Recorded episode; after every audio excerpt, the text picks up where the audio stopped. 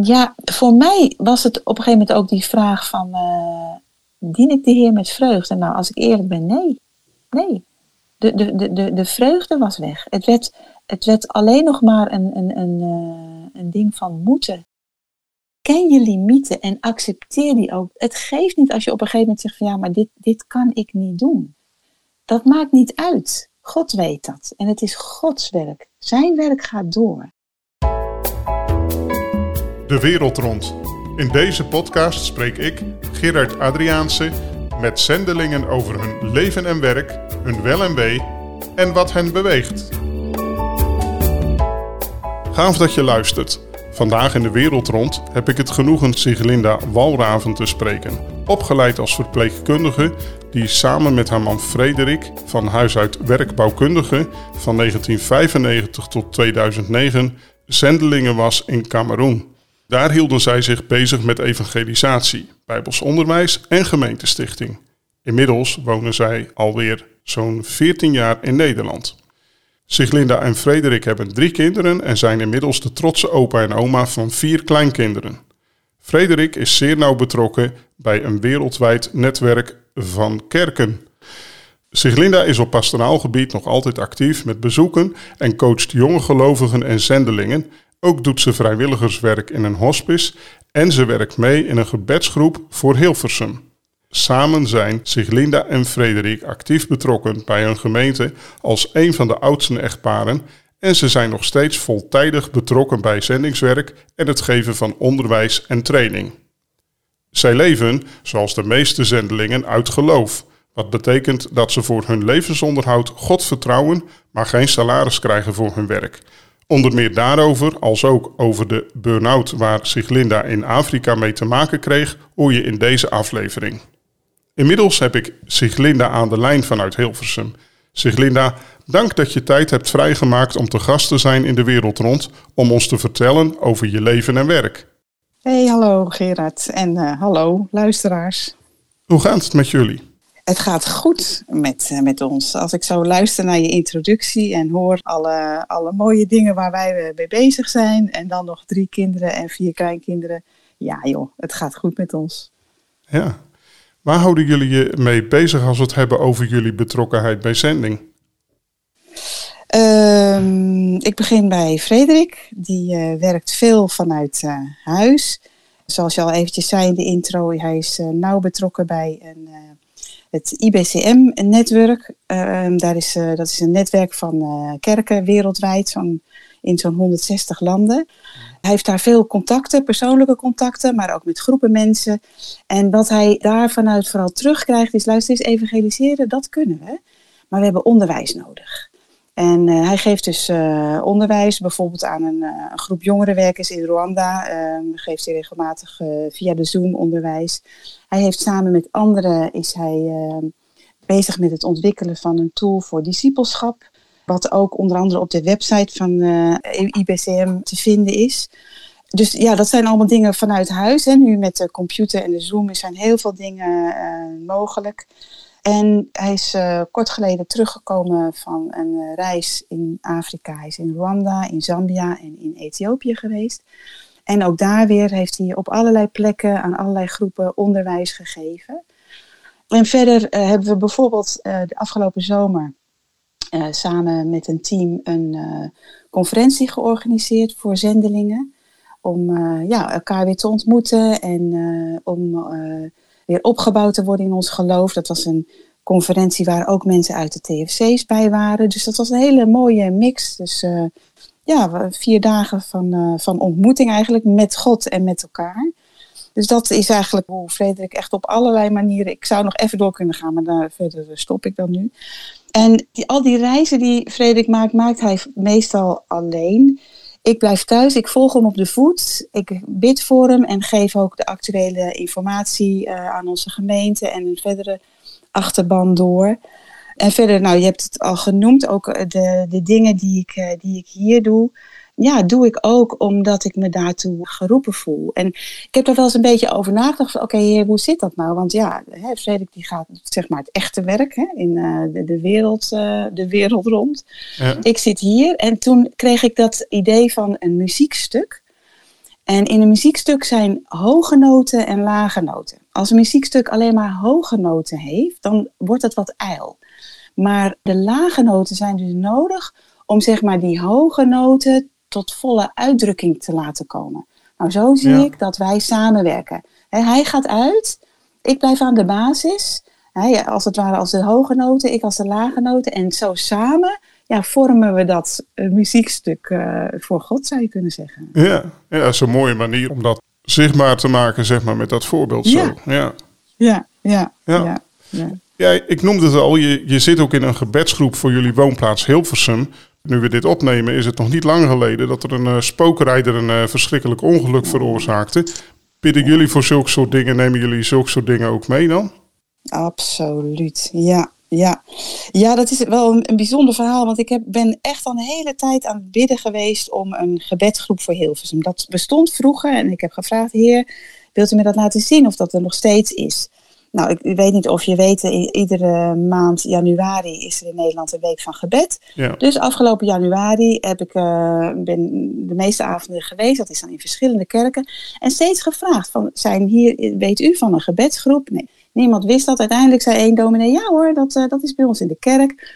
Nou, ik ben met iemand in contact gekomen, een, een vrouw uit uh, Hilversum, Harmien. Uh, bleek niet, de dominee had het een beetje verkeerd begrepen. Er was geen, niet echt een gebedsgroep voor Hilversum. Maar goed, Harmien en ik hebben elkaar ontmoet. En uh, eigenlijk ja, vonden wij beiden toch een goed idee als er een gebedsgroep voor Hilversum zou zijn. Uh, we hadden allebei zoiets van, oh oh, moeten wij dat nou doen? Maar ja, weet je, ja, het lag voor ons. Dus en toen hebben we eigenlijk net als met Mozes, hè, de Heer zei van wat heb je in je handen? Een staf en daarmee moest hij aan het werk. Dus nou ja, wij hebben gewoon maar binnen ons netwerk, uh, we hadden allemaal zo wel onze contacten ook met andere kerken. En hebben gewoon gezegd van luister ja, wij willen graag gaan bidden voor Hilversum. We hebben een datum geprikt. En op de eerste avond kwamen er vijf vrouwen uit vier verschillende kerken. Dat was in april en inmiddels uh, komen we iedere eerste maandag van de maand bij elkaar. Uh, in totaal zijn het twaalf vrouwen. Jammer genoeg alleen nog vrouwen. Af en toe was Frederik erbij, maar we hopen ook nog op, uh, op meer mannen. En uit uh, zeven tot acht verschillende kerken. En wat we dan doen is, we, we, we, denken eigenlijk een beetje in, in kringen. Dus we beginnen, het allereerste gebed is altijd voor onszelf. Uh, Heer, geef ons een hart vol bewogenheid. Want als je niet van iemand houdt, kun je ook niet goed voor hem bidden. Dus we bidden om bewogenheid. We bidden ook om de leiding van Gods geest. En dan gaan we eerst eens een tijdje bidden voor de christenen in Hilversum. En alles wat ermee te maken heeft. Christelijke scholen, de kerken. We weten, omdat we uit al die verschillende kerken komen, een beetje wat er speelt. En noemen dat in gebed.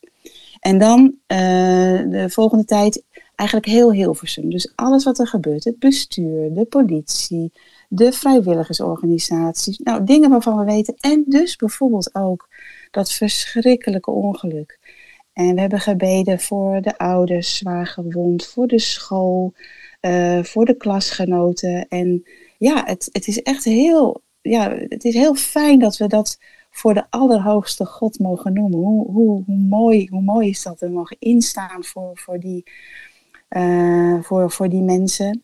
En we sluiten altijd af met een rondje van alleen maar namen noemen. Alleen maar namen noemen. God weet wat die mensen nodig hebben. En uh, nou, als dan het uiteindelijke amen klinkt, dan zitten we daar allemaal en iedere keer weer zeggen we zo, wat was dit goed om met elkaar, ja, we noemen het ook op de bres staan voor Hilversum. En ons motto is, Vader, mag uw naam worden geheiligd, mag uw koninkrijk komen en mag uw wil geschieden in Hilversum. En dat is wat ons samenbrengt en daar bidden we voor. Mooi en misschien nog wel een plan voor uh, andere dorpen of plaatsen in Nederland ook, hè? Wie weet. Ja, ja, gewoon maar beginnen. Ja, ja, ja. Ja, ja. ja zeg Linda, waarom is gebed ook in goede tijden belangrijk voor ons als mens? Ik denk dat gebed ons op de juiste plek zet. Want als ik moet bidden, dan betekent dat dat ik afhankelijk ben van God. En ik denk dat het heel goed is dat we ons bewust zijn dat we echt in alles afhankelijk zijn van Hem. In het begin van Hebreeën staat dat de Heer Jezus schraagt de schepping met zijn machtig woord. Stel je nou eens voor dat hij één seconde lang hè, dat woord niet zou spreken, dan zou de hele boel hier in elkaar vallen. Wij zijn in, tot in onze diepste vezels zijn we afhankelijk van God. En ja, daarom, daarom is ik, ik heb het gebed nodig om gewoon steeds weer op, uh, ja, op mijn juiste plek te, te gaan staan. En ik heb ook wel eens gehoord van wie veel bidt, die beleeft veel. Hè, um, zegt wel eens, jij bidt echt voor alles. Ja, maar ja, dan zie je ook wel heel veel dingen gebeuren van, oh ja, daar heb ik voor gebeden. En, uh, en, en kun je inderdaad God weer danken dat hij hoort. Bidden en danken. Hè. Danken, we, ach, wat, we zijn zo rijk. Ja, bidden, dat, dat hebben we gewoon nodig om, uh, om mens te blijven, denk ik. Ja, ja, mooi. Ja, wat kun je ons vertellen als we teruggaan naar je jeugd over het gezin waarin je opgroeide? Ik ben opgegroeid in Bussum, in een christelijk gezin. Met uh, een vader en een moeder die veel van ons, mijn zusje van twee jaar jonger en van mij, hielden. En toen ik een jaar of acht uh, werd of was, toen uh, zijn mijn ouders uh, koster geworden van de Vrije Evangelische Gemeente in Bussum. Dus we kwamen naast de kerk te wonen. En ja, dat, dat heeft echt wel mijn jeugd bepaald. Dat was, mijn zus en ik zeggen vaak tegen elkaar dat, dat dat heeft ons zo goed gedaan. Want we waren deel van die grote familie. Was ongeveer, uh, ongeveer zo'n 250 leden, telde die kerk toen. Um, ja, daar, dat, dat was ons thuis. Er was natuurlijk altijd wel wat. Wij moesten ook meehelpen. We moesten propjes rapen na de kerkdienst. Nou, je wil niet weten wat mensen allemaal uh, laten liggen voor, voor, voor viezigheid. Dus dat, was dan, dat waren de mindere momenten. Maar uh, maandagavond oefende het zangkoor, dus mochten we helpen met um, koffie uh, schenken. Um, er was, uh, af en toe was er een landelijke conferentie van predikanten en kerkenraden, denk ik. Die werd dan bij ons gehouden. Want ja, mijn ouders waren gewoon echt hele goede kosters. Dus mijn moeder die bakte dan cakes. En die maakte grote pannen met soep. Iedereen nam zijn eigen broodje mee. En uh, dan ja, verzorgden wij zo'n hele dag. Um, en dat, dat was een hele zaterdag van s morgens vroeg tot, uh, tot uh, diep in de middag aanpoten. Maar dat was iets wat we met elkaar als gezin zo neerzetten. Ik heb daar hele goede herinneringen aan. Mijn, ja, mijn ouders waren, ik denk dat je toch echt wel mag zeggen, die waren de spil van de gemeente. We, zaten gewoon midden in, in ja, die grote familie die de gemeente was. In, ik heb daar uh, als kind van, van genoten. Ik ben uh, dus naar de lagere school gegaan, de middelbare school. En op mijn zestiende raakte ik betrokken bij het werk van Youth for Christ in Bussum. Wij hadden een koffiebar. Niet uh, te ver, verwisselen met een koffieshop. Dat is heel wat anders. Een koffiebar. Dat was gewoon, we mochten een oud pand huren van de gemeente voor 1, 1 gulden toen nog per jaar. Vrijdagavond was dat open en uh, ja, daar kwamen jongeren van de straat ook langs. En we hadden koffie voor 50 cent en cola en uh, Sprite en Bounties. En ja, we, zo probeerden we in contact te komen met jongeren om hen ook uh, van de Heer Jezus te vertellen. Ja, en, en dan, als groep medewerkers, ja? Ja, en dan waarschijnlijk af en toe een, een zanger of een filmavond of zoiets. Precies, ja. Ik, uh, ik, ik denk dat je weet waar ik het over heb. Ja. Zeker. De ouders ook nog wel lachen, want we hadden dus echt van die schoffies die kwamen op een gegeven moment. En uh, sommigen die uh, op hun jonge leeftijd, die dronken ook al. Dus we hadden een keertje een filmavond. En dat was dan nog met zo'n grote projector, weet je wel. Zo'n ding wat zo ging. En uh, dus terwijl die film draaide, komt er zo'n zo'n schoffie binnen. En die, die, die had al wat op. Dus die zag niet waar die projector stond. En die, uh, die gaat, ha, blijft dus met zijn voet haken achter de standaard waar dat, uh, die projector op stond. En we zagen zo dat beeld zo van het scherm naar beneden van gaan. Goed, de meneer die met die film kwam, die was iets uh, minder, hoe zeg je dat? Die is niet, niet echt blij. Maar ik, dat beeld van hè, die, die film die zo de grond inzakt, ja, dat was wel wel hilarisch achteraf. Tja. Maar uh, ja, ja, ja. en, en uh, dat was geweldig om in, in van zo'n zo'n groep medewerkers uh, deel uit te maken. Dat heeft me ook heel erg gevormd. Ja. ja dus je hebt een, ja, kunnen we eigenlijk wel zeggen dat je een christelijke jeugd hebt gehad waar je ja, waarschijnlijk Absoluut. ook door gevormd bent, maar ook zeker van genoten ja. hebt. Ja. Ja, ja, zeker. Ja, ja. Ja, ja wat is echt een, een hobby van je? Ja, ehm, als, als je het woord hobby zegt, dan, dan zie ik mensen die daar ehm, heel veel uren aan besteden. Ik vind heel veel dingen leuk, maar ik maak er eigenlijk een beetje te weinig tijd voor. Het is bijna een gewetensvraag. Maar ik hou van lezen. Ik hou ook van dingen met mijn handen doen, knutselen, naaien, breien, uh, wandelen. Um, nou, wandelen doe ik dan nog wel regelmatig, wat kortere wandelingen en af en toe een wat langere wandeling. Al die andere dingen zou ik eigenlijk veel meer tijd voor willen maken. En nou, daar kom ik denk ook nog wel op terug, want ook uh, in het kader van die burn-outs is, is, zijn dat eigenlijk wel hele goede dingen om, om te doen. Maar ja, daar mag ik wel iets, iets meer tijd voor maken eigenlijk. Ja, ja, ja. Ja, je bent uh, alweer lange tijd natuurlijk getrouwd met Frederik, want jullie hebben inmiddels al kleinkinderen. Maar hoe heb je ja. Frederik leren kennen? Dat was ook in die User Christ uh, koffiebar. Um, op een bijbelstudieavond uh, nam een van ons, die, die nam Frederik mee. En we vonden zijn naam al heel bijzonder. En um, moet je voorstellen, wij waren in die tijd wel een beetje onze kleding een beetje, een beetje alternatief, weet je wel. Dus een beetje geiten, bolle sokken uh, mensen. Uh, Frederik die had een uh, colbertje aan en die had hele hippe schoenen. Hm. En um, ik, ik was een beetje verlegen, zeker naar dan nieuwe mensen. Dus van die avond herinner ik me vooral zijn schoenen. En um, wat ons ook opviel was, was zijn taalgebruik. Um, want Frederik was niet zo heel lang daarvoor tot geloof gekomen door een uh, contact met iemand in Duitsland. Hij had daar een, voetbalweekend en uh, was daar een meisje tegengekomen die uh, hem in een disco gevraagd had: Geloof jij in God? Nou, hij viel zo wat van zijn stoel af. En, maar die zijn in gesprek geraakt en ze hebben contact gehouden. En eigenlijk door het contact met haar is hij uiteindelijk tot geloof gekomen, maar kende ja, in zijn woonplaats helemaal geen, geen christenen. Um, hij vroeg aan zijn vader, hebben wij een bijbel in huis? Nou, zijn vader wist ook niet wat hij meemaakte. En, uh, zijn ouders waren van oorsprong katholiek, dus nou, er stond nog wel ergens een bijbel.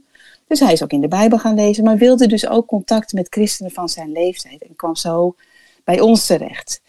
Um, maar ja, je kunt je voorstellen, iemand die verder helemaal niet in een christelijk gezin of zo opgegroeid is, die had natuurlijk ook een wat, uh, wat ander vocabulaire. En ook zingen, dat ging hem ook iets minder goed af. Wij zongen natuurlijk nogal veel, ook met gitaar. En dan uh, kwam hij met zijn bromstem. Dus nou, we moesten ook nog wel eens een beetje giechelen als hij dan uh, meezong. Um, maar um, nou ja, zo heb ik hem leren kennen. En um, uh, op een gegeven moment ging hij ook stage lopen in Zwitserland. En um, toen hij daar was, dacht hij van oké, ik wil met twee mensen van de koffiebar contact houden. Nou, dat was met die vriend die hem uh, binnen onze groep gebracht had. En dacht van weet je wat, ik ga Siglinda ook schrijven. Dus wij zijn gaan schrijven en ja, gaandeweg is daar een hele hechte vriendschap uh, ontstaan. Uh, we, ja, we, we, konden heel goed met elkaar praten over de dingen van het geloof en, en, en leerden veel van elkaar. Zijn ouders begrepen dat natuurlijk niet zo goed. Want ja, want dan vroeg zijn vader van, joh, heb je dan verkering met dat meisje? uh, nee, dat heb ik niet. Dus uh, hij legde het uit als, nee, wij zijn, je moet ons zien als broer en zus. Broer en zus in het geloof. Maar ja, goed, na verloop van tijd, en dat is toch wel een jaar of twee of zo geweest, sloeg die vonk natuurlijk wel over. Bij mij was die kennelijk al eerder omges, uh, overgeslagen. Want mensen die zeiden wel van, nou ja, je begon echt als een lampje op te lichten zodra hij binnenkwam.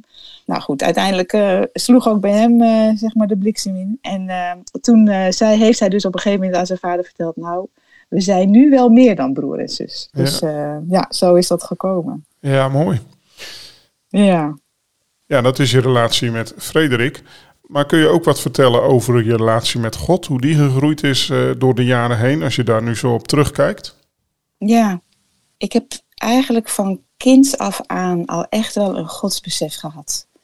Um, op een gegeven moment, ik, ik weet zelfs nog dat moment dat, dat ik een beetje voor me uit zat te staren. En toen zei mijn moeder van, uh, waar denk je over? En ik was een jaar of vijf vier, vijf. Uh, waar denk je over? toen zei ik, ik denk na over mijn zonden. Nou, dat was ongeveer het laatste antwoord wat mijn moeder verwacht had. En was ook behoorlijk in verlegenheid gebracht met, uh, met dat antwoord.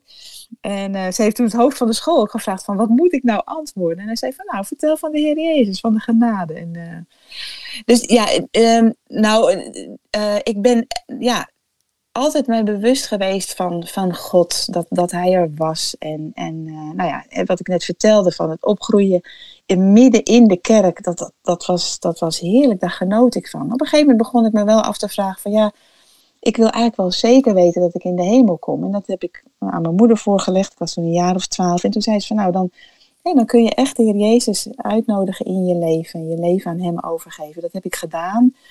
En dat was ook echt een, een, een, een, een markant punt. Ik, ik weet nog hoe blij ik was. En, en, uh, ja, en ik heb eigenlijk zeg maar zo mijn weg met blijdschap vervolgd. Ook op mijn, uh, in de middelbare school. Ik was de enige gelovige in mijn klas. En, en, daar maakten anderen wel grapjes over. En ik vond die grapjes vond ik ook leuk, dus ik lachte gewoon mee. Maar ondertussen probeerde ik ze ook wel gewoon wel heel praktisch te vertellen van wat ik geloofde.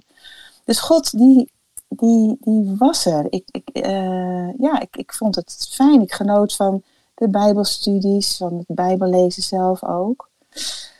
En toen op een hele ja, plotselinge dag, Frederik en ik zouden ons op eerste paasdag gaan verloven. En op de zaterdag daarvoor ging mijn vader een stukje fietsen. Hij was zwaar diabetespatiënt uh, en hij krijgt een hartstilstand en is overleden. Oh.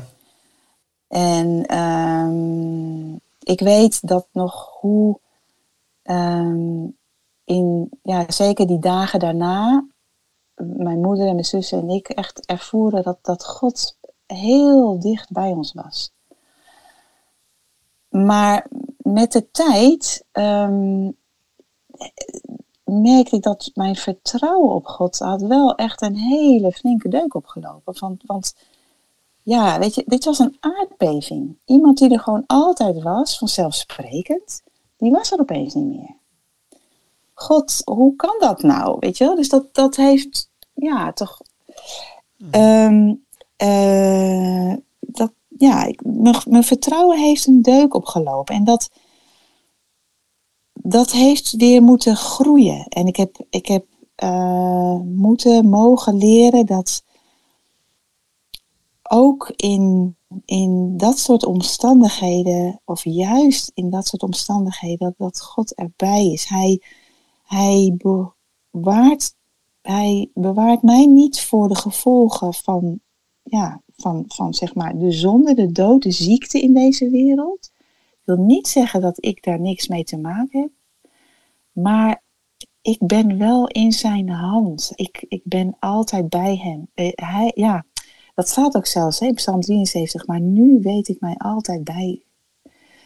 Um, nou ja, ook in Cameroen hebben we toch het nodige meegemaakt. Dus als, ik, als je dan vraagt, nou, hoe is je relatie met God gegroeid? Ik denk dat het de, de vertrouwdheid is. Hè? Zoals met Frederik ook. Hè? Hoe langer je met elkaar omgaat, dan groeit er een vertrouwdheid. Zo is ook de vertrouwdheid met God gegroeid. Daarbij wil ik een kanttekening plaatsen, want er is gewoon ook een gevaar van gewenning. En toen ik dat, dat vaststelde, dan nu af en toe bid ik Heer Jezus, dank u wel dat het alleen nog maar een kwestie van tijd is voordat ik u ga zien. En dat um, helpt mij te beseffen dat, dat Hij echt is en dat ik Hem ga zien. En dan, dan, dan ga ik dan vanzelf ook naar verlangen. En ik, ik hou van de Heer Jezus, maar weet je, ik wil nog veel meer van Hem houden. Ik wil echt helemaal compleet ondersteboven van Hem zijn. Dus ik ben nog onderweg.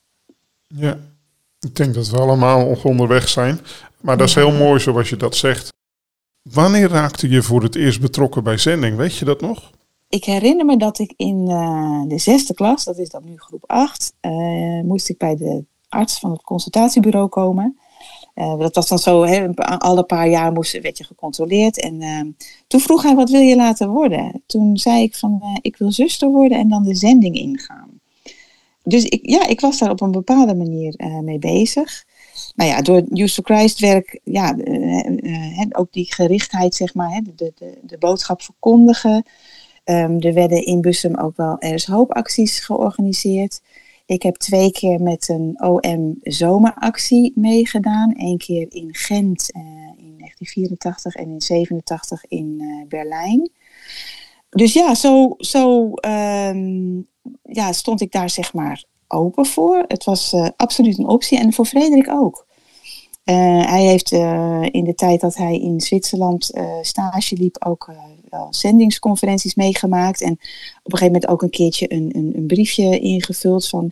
Als God mij roept, ben ik bereid om te gaan. En hij heeft mij toen ook die, de toespraken waar hij naar geluisterd had, heeft hij ook aan mij doorgegeven. Oh, dat was, waren waarschijnlijk nog cassettebandjes of zo. En datzelfde briefje heeft hij mij gegeven. Oké, wat is jouw antwoord? En voor, voor mij was dat hetzelfde. Dus we hadden echt ja, Heer, als u ons roept, dan zijn we bereid te gaan. Zo, zo is dat een beetje eh, gegroeid, zeg maar. Ja, dus jullie hadden de bereidheid.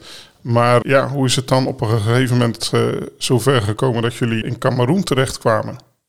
Ja, um, nou inmiddels waren wij getrouwd en we zijn uh, in Zwitserland gaan wonen. Want Frederik die uh, kon, zeg maar in vervolg op zijn stage, kon hij een baan krijgen daar. Achteraf zie ik dat dat ook Gods zorg geweest is. Want zo was ik al een stukje bij onze families vandaan. En um, moest, moest ik leren in een nieuwe omgeving te leren, te, te leren leven en, en uh, ja, uh, vriendschappen te sluiten en zo. Dus ik zie dat ook al als Gods voorbereiding voor uh, ons latere leeftijd, uh, leven, uh, ons latere leven. Ja. Uh, nou ja, interesse was er. Dus ja, Frederik, de man die hij is, is hij gaat actie, actief achter de dingen aan. Dus als er dan zendelingen op verlof waren, dan uh, belde hij ze op en dan zei hij: Hallo, ik ben Frederik Walraven. U kent mij niet, maar ik ben geïnteresseerd in zending. Mogen, mogen mijn vrouw en ik een keer langskomen om met u te praten? Dus zo hebben we allerlei, uh, met allerlei mensen gesproken. En er was dan ook een uh, stel in Zwitserland, hij is Zwitser, zij Zweedse. Die kwamen op verlof in Zwitserland en die werkten met Wycliffe. Wycliffe Bijbelvertalers. Nou, eh, wij hadden ook al wat gelezen over Wycliffe en dat vonden wij heel interessant. Dus we zijn hen ook gaan opzoeken.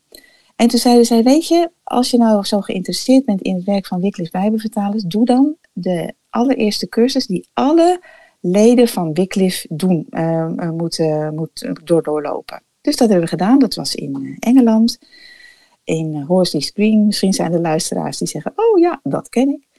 Um, een cursus van twee maanden. Uh, en dat ging allemaal goed. Je leert dan bijvoorbeeld, uh, we hebben wat uh, een andere taal leren spreken. We kregen lessen over crossculturele dingen. nou ja, gewoon een eerste kennismaking met allerlei aspecten van het zendingswerk. En dan met name van het Bijbelvertaalwerk. Um, wij doorliepen die cursus prima, want er werd dan ook af en toe met ons gepraat en gekeken naar de resultaten. Uh, van uh, hoe dat ging met bijvoorbeeld die, uh, die taal leren of die vreemde klanken leren. Nou, dat deden we allemaal prima. Maar zij, met name Frederik, ik zie dat dat bijbelvertaalwerk en ook wel dat alfabetiseringswerk, dat is veel werk wat je achter een bureautje doet. Ik wil graag evangeliseren. Ik wil graag mensen helpen om ja, in, in gemeenteopbouw. Later nou, precies in die tijd dat wij in Engeland waren, kwam er een brief van die zendelingen Oers en Jet, dus dat Zwitserse stel, Zwitser-Zweedse stel. Daar kwam een nieuwsbrief en daarin schreven zij: Er is hier, zij werkten in Cameroen, er is hier in het oerwoud een gemeente die vraagt om een zendelingsechtpaar wat hen kan helpen bij evangelisatie en gemeenteopbouw. Nou, toen dachten wij natuurlijk, bingo, is dat wat? Dus weer contact met dit echtpaar gehad en die zeiden, weet je, kom gewoon eens kijken. Dus in 1993, met een jongetje van twee jaar oud en een jongetje van vier maanden oud, zijn wij voor twee maanden lang naar Cameroen gegaan, want daar werkte dat echtpaar. Het oosten van het land, een stadje Baturi. En zijn we daar naartoe gegaan. En um, nou, uh, het was absoluut geen liefde op het eerste gezicht. Ehm, het, eh, we vonden het, ja, weet je, als je dan voor het eerst in een Afrikaans land komt, het ruikt anders, er lag overal afval op straat, het stonk, alles was heel primitief. Wij waren vanaf het begin bijna, was er altijd wel één lid van ons gezin ziek. En wat we deden, uh, is, uh, waren acht weken en iedere week op vrijdagmiddag gingen we samen zitten en maakten we een lijst van waarom zouden wij wel naar Cameroen gaan en waarom niet. Nou, we hadden een hele lange lijst van niet, want uh, nou, het stonk en we vonden het lastig en we waren ver weg bij onze familie. En als we ons baan op zouden geven, ja, dan geen inkomsten meer. Ehm, nou, allerlei ziektes, nou, dat wisten we dus, die op de loer lagen. Nou, een hele lange lijst van waarom niet. Nou, waarom wel? Nou, de broeders en zusters die vragen erom. Uh, ja, we hebben de capaciteit om hier te komen. En dus, dus er was ook een lijstje waarom we wel zouden kunnen gaan. Toen hebben we die lijst van tegenwerpingen nog eens bekeken. En eigenlijk voor elk van die tegenwerpingen was er een één of meerdere teksten uit het woord waar God zei: Ik voorzie, ik ben bij je, ik zorg voor je. Dus ja, al die, die nietjes, die moesten we wegstrepen. Ja. Tot er uiteindelijk gewoon geen nietje meer overbleef, alleen nog maar welletjes. Dus ja, toen wisten wij van, uh, ja, dat, dat is echt de manier waarop God ons geroepen heeft. We kwamen tot de conclusie, ja, wij kunnen gaan. En um, we zijn ons toen ook nog bewust geweest ervan dit is tussen God en ons. We zouden kunnen zeggen, als we terugkomen in Zwitserland, van nou, was prachtig hoor, maar na, na, toch niet iets voor ons. Dan zouden heel veel mensen zeggen, ach, begrijpen we. Want ook voordat we die reis gingen maken, stond niet iedereen te trappelen dat we met twee kleine kinderen naar Cameroen gingen. Terwijl toen we daar aankwamen, zagen we alleen maar gezinnen met jonge kinderen, maar goed. Maar wij wisten, nee, wij hebben voor God eigenlijk die lijst gemaakt. En we zijn tot de conclusie gekomen, Hij zorgt voor ons. En wij hebben nu gezien dat we kunnen gaan, dan gaan we ook. We willen gehoorzaam zijn aan Zijn roeping. Dit is Zijn roeping. En wij zeggen ja. Ja, en ik kan je zeggen, God is trouw. Hij heeft zo goed voor ons gezorgd. Ja, dus zo kwamen jullie uh, via een wel eens niet eens lijstje tot de conclusie dat jullie moesten gaan. Ja. Wat stond er trouwens bovenaan dat, uh, dat, dat wel lijstje? Wat, wat was wel wat jullie aantrok daar vooral? Uh, nou, ik weet het niet uit mijn hoofd, maar ik denk dat een van de eerste dingen is dat er vanuit, het was dus niet ons, wij, wij verzonnen het niet, maar vanuit de broeders en zusters daar was de vraag wij willen graag ondersteuning bij evangelisatie en gemeentebouw. Dus er kwam echt een vraag vanuit, vanuit hun. En dat, ja, dat, dat vonden wij heel belangrijk. Dat wij niet iets verzonnen, maar er was echt, uh, wij gaven antwoord op wat zij vroegen, zeg maar. Ja. Er was, er was een nood, ja. Ja, en dus hielpen Frederik en jij met het stichten van gemeentes in Cameroen. Waarin verschilt Cameroen ten opzichte van Nederland als we het hebben over de manier van kerk zijn? Uh, ik denk in de eerste plaats is dat ja, eigenlijk voor de meeste Cameroeners is het vanzelfsprekend dat God er is. Dus dat is al, um, ja, daar, daar, daar hoef je dan zeg maar niet, uh, niet, niet tegen te vechten of mensen te overtuigen van het bestaan van God. Um, een kerk, uh, ja, het is natuurlijk een, een andere mentaliteit. Hè? Mensen zijn spontaner, opener, in zekere zin opener. Hè? Meer die, die, die emoties. Je, je, je weet dat het uitbundige zingen, het uitbundige dansen. Dus dat, ja, daardoor wordt natuurlijk een dienst, ziet er ook wat anders uit vaak dan hoe het bij ons eraan toe gaat de noden, de levensbehoeften van de mensen zijn eigenlijk ook heel basaal. Over het algemeen zijn de mensen niet rijk. En dat vormt een kerk natuurlijk ook met, met, met wat er leeft binnen zo'n kerk. Hè? Wat, wat voor noden er zijn. Dat, dat gaat vaak over, ja, is er geld om eten te kopen? En als er geld, genoeg geld is voor eten, ja, dan wordt er iemand ziek. En dan, dan hebben we hulp nodig. Hè? Dus, dus, dus die noden die, die, die je dan ook als kerk zeg maar meebeleeft. ziektes, overlijden, maar ook het leven als kerk in een, in toch ook wel, wat, wat Cameroen dan ook wel typeert, jammer genoeg, een, een corrupte omgeving. Maar ook heel veel, er zijn ontzettend veel kerken in, in Cameroen. Heel veel is, een, ja, dat, dat klinkt veroordelend, zo bedoel ik het niet, maar heel veel is buitenkant. Heel veel wordt er voor de vorm gedaan. En echt geloof, geloof in God, geloof in Jezus Christus, geloven dat, dat je je moet bekeren, dat God van je vraagt een nieuw leven te beginnen, dat Hij een nieuw leven geeft. Hè? Dus dat echt dat levende geloof met Hem, het breken met een levensstijl die niet naar Zijn wil is, het breken met allerlei occulte dingen. En dat typeert, denk ik, het, het, het kerk zijn. Hè? Dus, dus, dus ook het beleven van het geloof in een omgeving waar er dus eigenlijk heel veel nood, veel corruptie en veel ook occultisme is. En aan de andere kant hebben we ook gezien, op een gegeven moment was er dan een, een, een kerkje daar in Baturi. Wij zouden op verlof gaan en we zagen er is leiderschap nodig. Dus Frederik heeft een hele serie van bijbelstudies gehouden over wat zegt de Bijbel over oudsten. Hè? Over hoe stel je oudsten aan? Hoe erken je ze? Hoe herken je ze? En we hebben dus voordat we gingen, hebben we als gemeente een paar oudsten aangesteld. Toen kwamen we op verlof. En toen was het in onze thuisgemeente, was er behoefte aan duidelijk leiderschap. En was er behoefte aan dat de oudste, niet dat iedereen wel zo'n beetje wist wie, wie de oudsten waren, maar dat dat door de gemeente herkend en erkend werd. En dus kon Frederik die uh, serie studies die hij in Cameroen gehouden had, zomaar ook hier in onze thuisgemeente geven.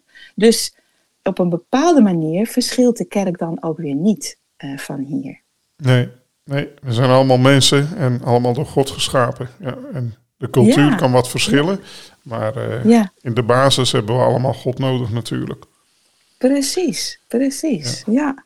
ja. dus jullie hebben 14 jaar in Afrika gewoond en in die periode natuurlijk ook heel veel beleefd. Maar ik mhm. noemde het al in mijn uh, inleiding, Siglinda. Op een gegeven moment kwam je in een burn-out terecht. Weet je nog hoe dat zo kwam? Ja, weet je, eigenlijk had ik het zelf niet eens echt door. Ik werd wel, ik was heel, uh, ik was heel moe. Er was uh, veel te doen. Ik heb net, de, de, de omstandigheden in Cameroen zijn natuurlijk heel anders dan in, in Nederland. En ja, dat, dat, dat woog zwaar op mij. Als ik in dat stadje in de ronde liep, dan werd ik ook nog wel eens nageroepen. Dat vond ik heel vervelend.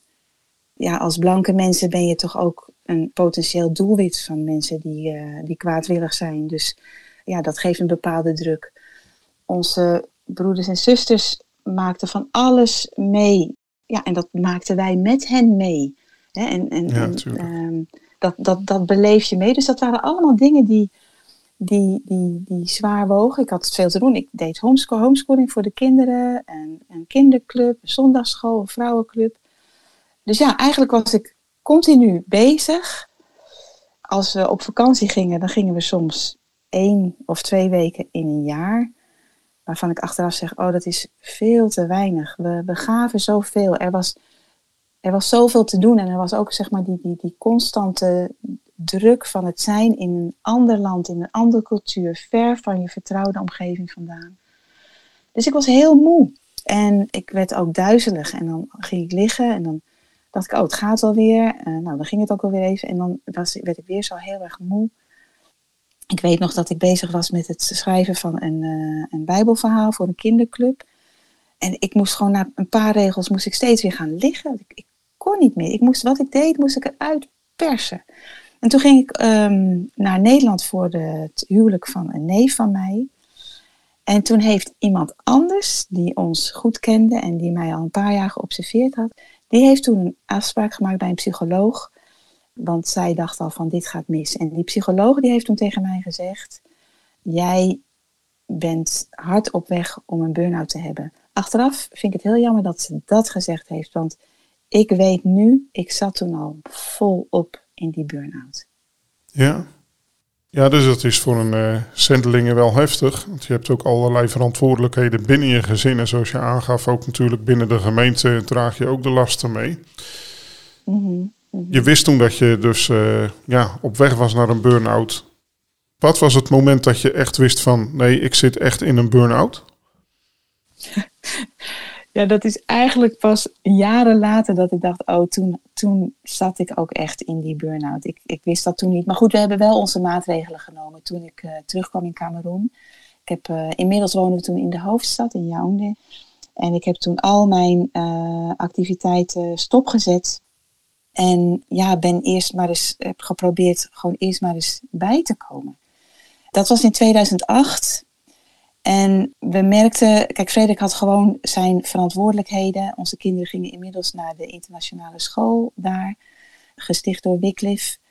Ja, weet je, het, het, het, was, het was me toch te veel. Gewoon het zijn daar. En toen zijn we dus langzamerhand toe gaan werken naar een vertrek uit Cameroen. Onze oudste zoon ronde zijn uh, middelbare school af in uh, juni 2009. En uh, wij hebben toen, uh, zijn er toen naartoe gaan werken dat we daarna naar Nederland terug zouden gaan. Vanwege het feit dat hij uh, klaar was met de middelbare school. We wilden als gezin naar Nederland gaan, zodat hij zijn opleiding kon beginnen en wij gewoon bij elkaar zouden blijven. Het werk in Cameroen was in, ja, in zekere zin ook afgerond. Frederik had leiders van de gemeentes opgeleid, zodat zij wat meer geestelijke bagage hadden. Nou, eh, dat werk konden zij verder voortzetten. Nou ja, en ik dus met mijn burn-out. Dus zo kwamen ook weer de dingen bij elkaar. En hebben we besloten, oké, nu is het moment dat wij terug naar Nederland gaan. Ja, ja en hoe ben je toen uiteindelijk dan uh, uit die burn-out gekomen? Ja, omdat men zegt wel eens, hè, hoe langer je erover doet dat, om in een burn-out terecht te komen, hoe langer het ook duurt voordat je eruit komt nou ja, eerst toen we in Nederland kwamen, hadden we een huis gekocht en dat moest gerenoveerd worden. En dus uh, ja, het was inmiddels al een half jaar later, toen we zo'n beetje gezetteld waren. Toen ik de gesprekken met de psychologen weer oppikte, want ja, ik merkte van, ik, ik, ik, ik kom niet verder, ik zit eigenlijk letterlijk vast. En zij zei toen, luister eens, jij moet uit huis. En ik ben toen uh, een half jaar lang in een, in een GGZ-instelling geweest. En daar was ik door de week en het weekend ging ik naar huis. Om um, ja, zowel eerst op adem te komen. En eigenlijk, uh, ik vergelijk het wel eens met, ik was een, een, een machine die uit elkaar gespat was. En nu moest ik gewoon die onderdeeltjes ja, weer opnieuw op de juiste plaats zetten. En in zekere zin opnieuw beginnen. Ehm, ja, en, en uh, die tijd in die instelling was een eerste stap. Veel gesprekken gevoerd en ik merkte ook dat uh, ja, ik dus heel erg over mijn grenzen gegaan was. Waarom? Ja, omdat ik ook, ik was me niet bewust van grenzen. Dus ik moest gaan leren dat ik grenzen had en dat ik het waard ben. Hè, die, die, de waarde die, die, die, die God in mij ziet, is dat ik uh, goed voor mezelf mag zorgen. Niet alleen voor anderen zorgen, maar ik mag ook leren goed voor mezelf te zorgen. Nou, wat betekent dat dan? Ik heb daar aardig wat jaren over gedaan. Heb ook nog een traject gevolgd, later, veel later, voor chronisch uh, vermoeide en uh, mensen. En daar heb ik geleerd om een, een weekplanning te maken. Om uh, mijn taken vooral uh, in de tijd in te delen. Dus als ik weet dat ik kan een half uur lang iets doen, nou, dan zet ik mijn timer. Dus niet van ik ga nu zeg maar stofzuigen tot het hele huis gestofzuigd is. Nee, ik ga een half uur stofzuigen. En dan pauze houden en dan ga ik weer verder. En want dat is dat verhaal van een burn-out. Een burn-out is dat je boven je budget geleefd hebt. Je hebt meer gegeven dan je had. Dus ik, ik moest weer leren wat mijn budget was, zeg maar. En we leren me aan mijn budget te houden, binnen mijn budget te blijven. En ook als ik dan uitgegeven had, ook weer tijd te nemen om weer te ontvangen, om weer bij te komen. En dat is uitrusten, maar dat is ook fysiek bezig zijn, fysiek sterker worden. En dat allemaal in die opbouw.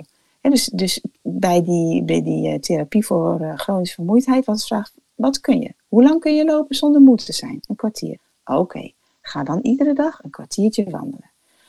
En zo langzaam dat opbouwen. De volgende week werd het 20 minuten, toen 25 minuten. Dus beginnen bij wat je kan en dat heel langzaam opbouwen en, en goed opletten, hou ik het nog vol. En na inspanning weer even bijkomen. Hè? Dus weer je, je budget weer, uh, weer aanvullen. Dat is eigenlijk zeg maar ja, hoe ik zo langzaam maar zeker ja, de, de weg van herstel heb gevonden. Ja, nou en een, een burn-out is denk ik iets waar een zendeling ook voor moet oppassen. Wat zijn oorzaken die je zo ziet waardoor een zendeling in een burn-out terecht kan komen, Siglinda? Um, het zijn in een andere cultuur. Uh, dus de, de, we beseffen niet hoe, hoeveel dingen voor ons gewoon zijn. Uh, maar als je in een andere cultuur komt, dan heb je te maken met een andere taal, andere gewoontes. Mensen lachen om andere dingen. Ik liep op de markt in Cameroen en ik gleed uit. En iedereen om me heen begon te lachen.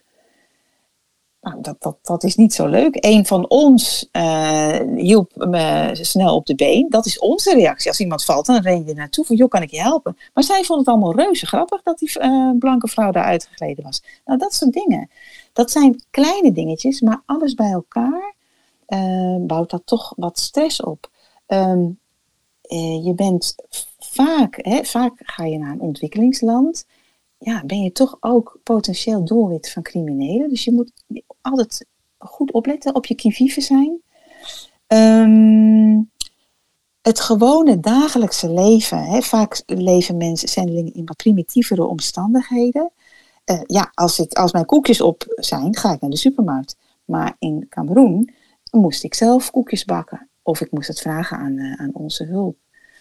Ja, en het is natuurlijk ook zo dat je als je zendeling bent, dat je dan, zeker als Nederlander, toch altijd wel het idee wil hebben dat je bezig bent. Tenminste, dat herken ik bij mezelf soms ook wel. Ja, ja, ja. Je moet vooral nuttig bezig zijn. En dat is ook een ding.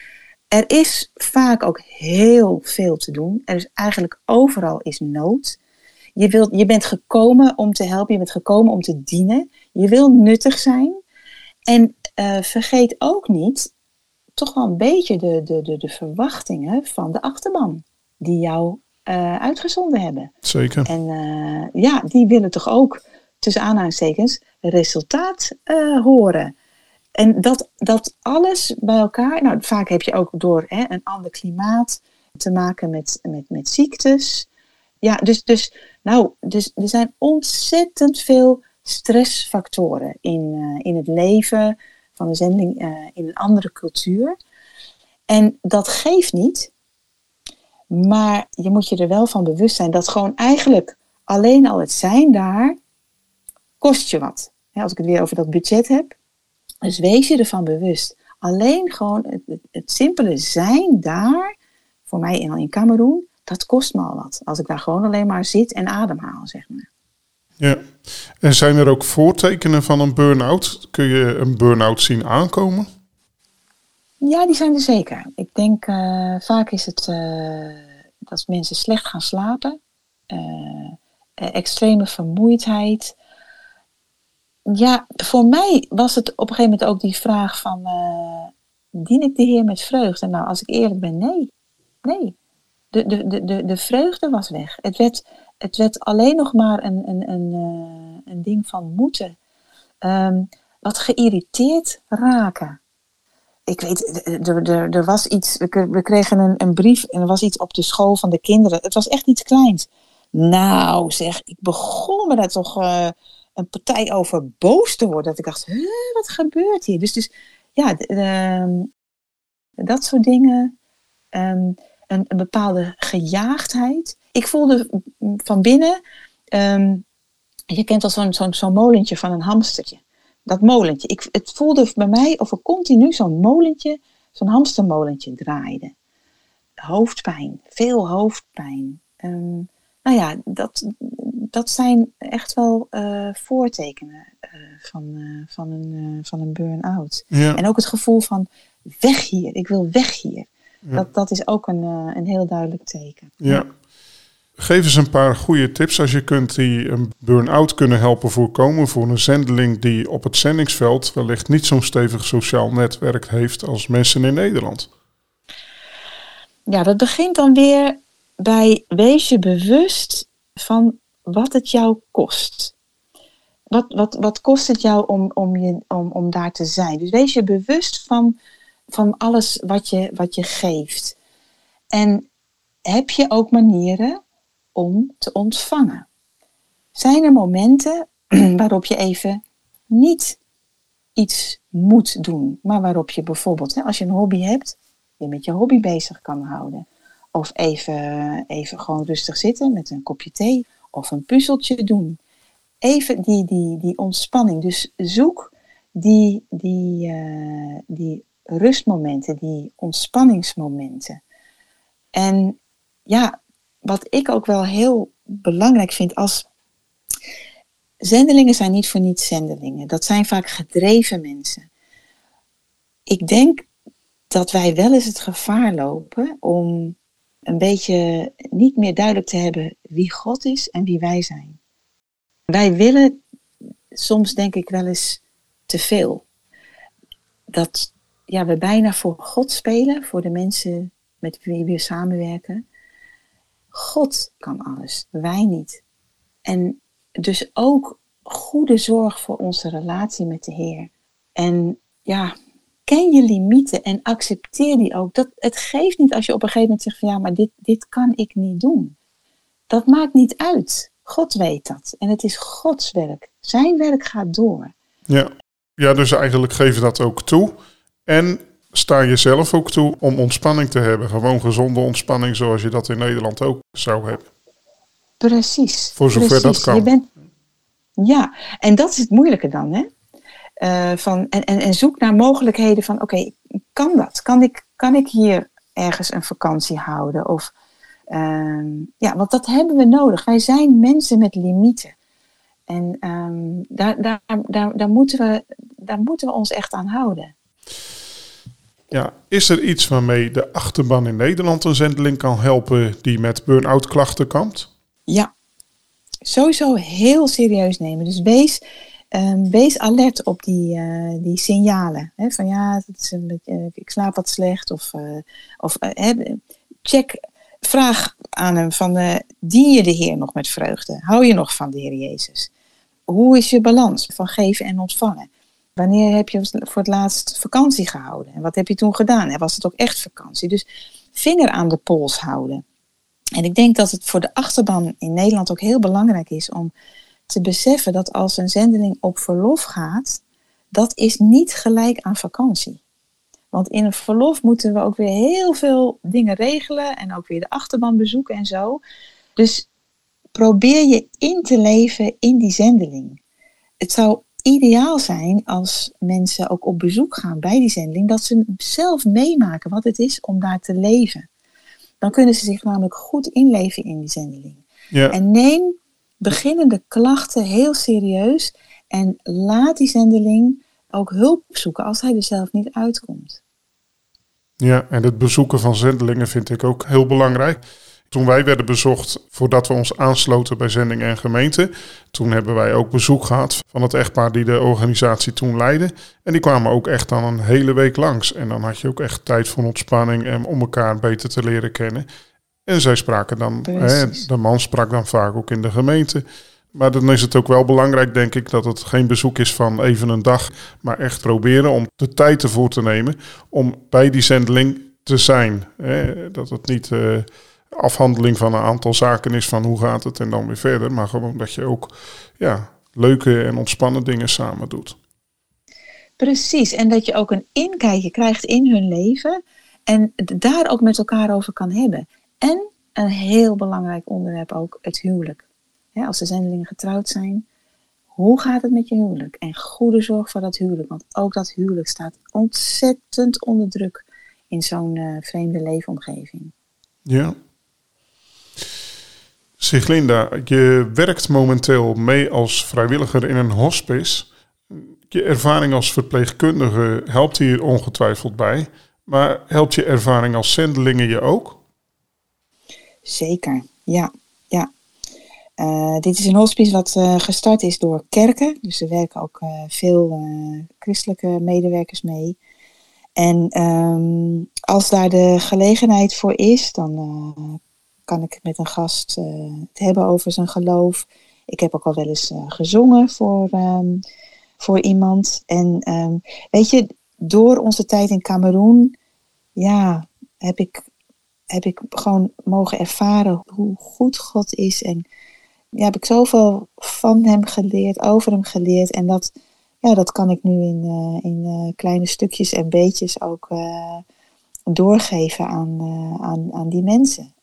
Op allerlei manieren. dus ja, de, de, de, de, betrokkenheid de, bij de mensen.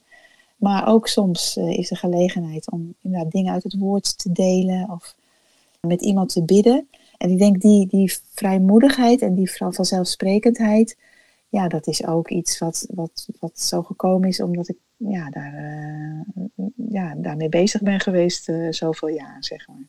Ja, ook in Cameroen dan, ja. Ja, ja, ja. Ja, Frederik en, en jij leven uit geloof. Eh, wat betekent dat jullie, zoals ik in mijn aankondiging al zei, net als de meeste zendelingen en ook evangelisten, God vertrouwen voor jullie inkomen en geen inkomsten hebben vanuit een baan, terwijl jullie je in je werk dagelijks inzetten voor de uitbreiding van het Koninkrijk van God in Nederland en wereldwijd. Hoe is het in de praktijk van alle dag om in afhankelijkheid van God te leven? Ik zie een luisteraar al denken, hoe houden ze dat vol? En komen ze dan niks tekort? Nou ja, dat was, eh, stond natuurlijk ook op ons lijstje. Hè? Toen we in Cameroen op bezoek waren. Van uh, ja, dan zijn we ons inkomen kwijt. Ja, weet je, als God je roept, dan voorziet Hij. En voor sommige mensen voorziet Hij doordat ze in een ander land gaan werken en daar dus gewoon een baan hebben. In ons geval was dat geen optie en moesten we onze baan opzeggen, moest Felix zijn baan opzeggen. Ja, en als wij wisten van God roept ons en, en dan, dan gaat Hij voor ons zorgen. We wisten niet precies hoe, maar dat, dat heeft Hij inderdaad gedaan. Um, daarbij is het denk ik ook. Um, wij hebben ons voorgenomen het met mensen niet over geld te hebben. We, mogen wel, we leggen wel onze noden aan de Heer voor, maar wij uh, gaan in een nieuwsbrief niet ergens om vragen om geld. En voor ons is het feit dat God voorziet ook een soort graadmeter. Als het nou zo is dat wij ons echt op een compleet verkeerde weg bevinden, dan geloof ik dat God er ook voor zal zorgen dat, dat ja, die ondersteuning zoveel minder wordt dat wij wel eventjes aan ons hoofd moeten krabben van hé, hey, zijn we nog wel goed bezig. Dus het is wat dat betreft ook, ja, de, de, zien we dat, dat God voor ons zorgt en een bevestiging van, het, van ja, dat we zeg maar, op de goede weg zijn. Heel praktisch is het wel zo, hè? wij zien het zo, God zorgt voor ons en dat doet Hij door mensen heen. Maar wat wij van de mensen ontvangen, ontvangen we dus uit Zijn hand. Maar het betekent wel dat die mensen uh, op de hoogte moeten zijn van wat Frederik en Siglinda doen. Dus dat betekent nieuwsbrieven schrijven, dat doen we zo drie tot vier keer per jaar. Uh, dat betekent in de tijd dat we in Cameroen woonden, als we dan op verlof waren, dan ging Frederik tijdens ons verlof allerlei gemeentes langs, in Nederland, maar ook in het buitenland, om te vertellen van het werken wat we deden. Dus het is ook een kwestie van, van ja, communiceren, in contact blijven met de mensen. Ja, en, en verder kan ik zeggen, op de momenten dat we veel nodig hadden, we hebben in Baturi op een gegeven moment, uh, is dus een gemeente gesticht, we hebben een terrein gekocht, een huis gebouwd toen hadden we voldoende voor al die uitgaven. Toen onze kinderen studeerden, hadden we voldoende. Vergeleken met die tijd zijn onze inkomsten behoorlijk verminderd, maar dat geeft niet, want we hebben nu ook minder nodig. En we zien dat, dat God geeft nadat we behoefte hebben en ach, hij zorgt zo goed voor ons. God is trouw, dat, dat kan ik getuigen. Ja, dus jullie komen niks tekort. Wij komen niets tekort. Nee. Nee, nou, dat is een mooi getuigenis. Ook om mee af te sluiten. En afsluitend wil ik je ook nog vragen, Siglinda. Is er een manier voor de luisteraar om op de hoogte te blijven van jullie leven en werk? Ja, nou ja, we sturen dus die uh, rondzendbrieven uit. Als iemand die wil ontvangen, dan uh, kunnen ze een, uh, een mail schrijven naar mij, siglindawalraven.gmail.com. Dus dat, ja, dat, dat kan. Ja hoor, vinden we leuk. En um, ja, misschien dat iemand ook nog zegt van nou, dat, dat werk van IBCM, dat spreekt me ook nog aan. De website is ibcm.net. Kunnen ze daar eens wat rond snuffelen. Um, ja, dus zo zouden ze op de hoogte kunnen blijven. Ja, nou dat zal ik ook in de show notes zetten. Ja. Vandaag in de wereld rond had ik het genoegen te spreken met Siglinda Walraven, die ook na haar jaren in Cameroen samen met haar man Frederik nog altijd met bewogenheid omziet naar haar naasten en zich blijvend inzet voor het ondersteunen van zending en evangelisatie. Siglinda, heel hartelijk dank dat je mijn gast wilde zijn en ons een inkijkje hebt gegeven in je leven. Ik wens Frederik en jou samen met jullie familie Gods rijke zegen toe, terwijl jullie een zegen zijn voor velen in het Koninkrijk van God en daarbuiten. Ga met God. Dankjewel Gerard. Ik vond dit heel leuk en ik wens jou en iedereen die luistert, waar je ook bent en wat je ook doet, van harte toe dat je de Heer met vreugde mag dienen. En uh, ja, daar waar je bent, schijn je licht voor Hem. En uh, nou, dankjewel. Ja, dankjewel. Dank je voor het luisteren naar De Wereld Rond. Een podcast waarin ik, Gerard Adriaanse, spreek met zendelingen over hun leven en werk, hun wel en wee en wat hen beweegt. Als je wilt reageren, stuur dan een e-mail naar yahoo.com. Tot de volgende keer.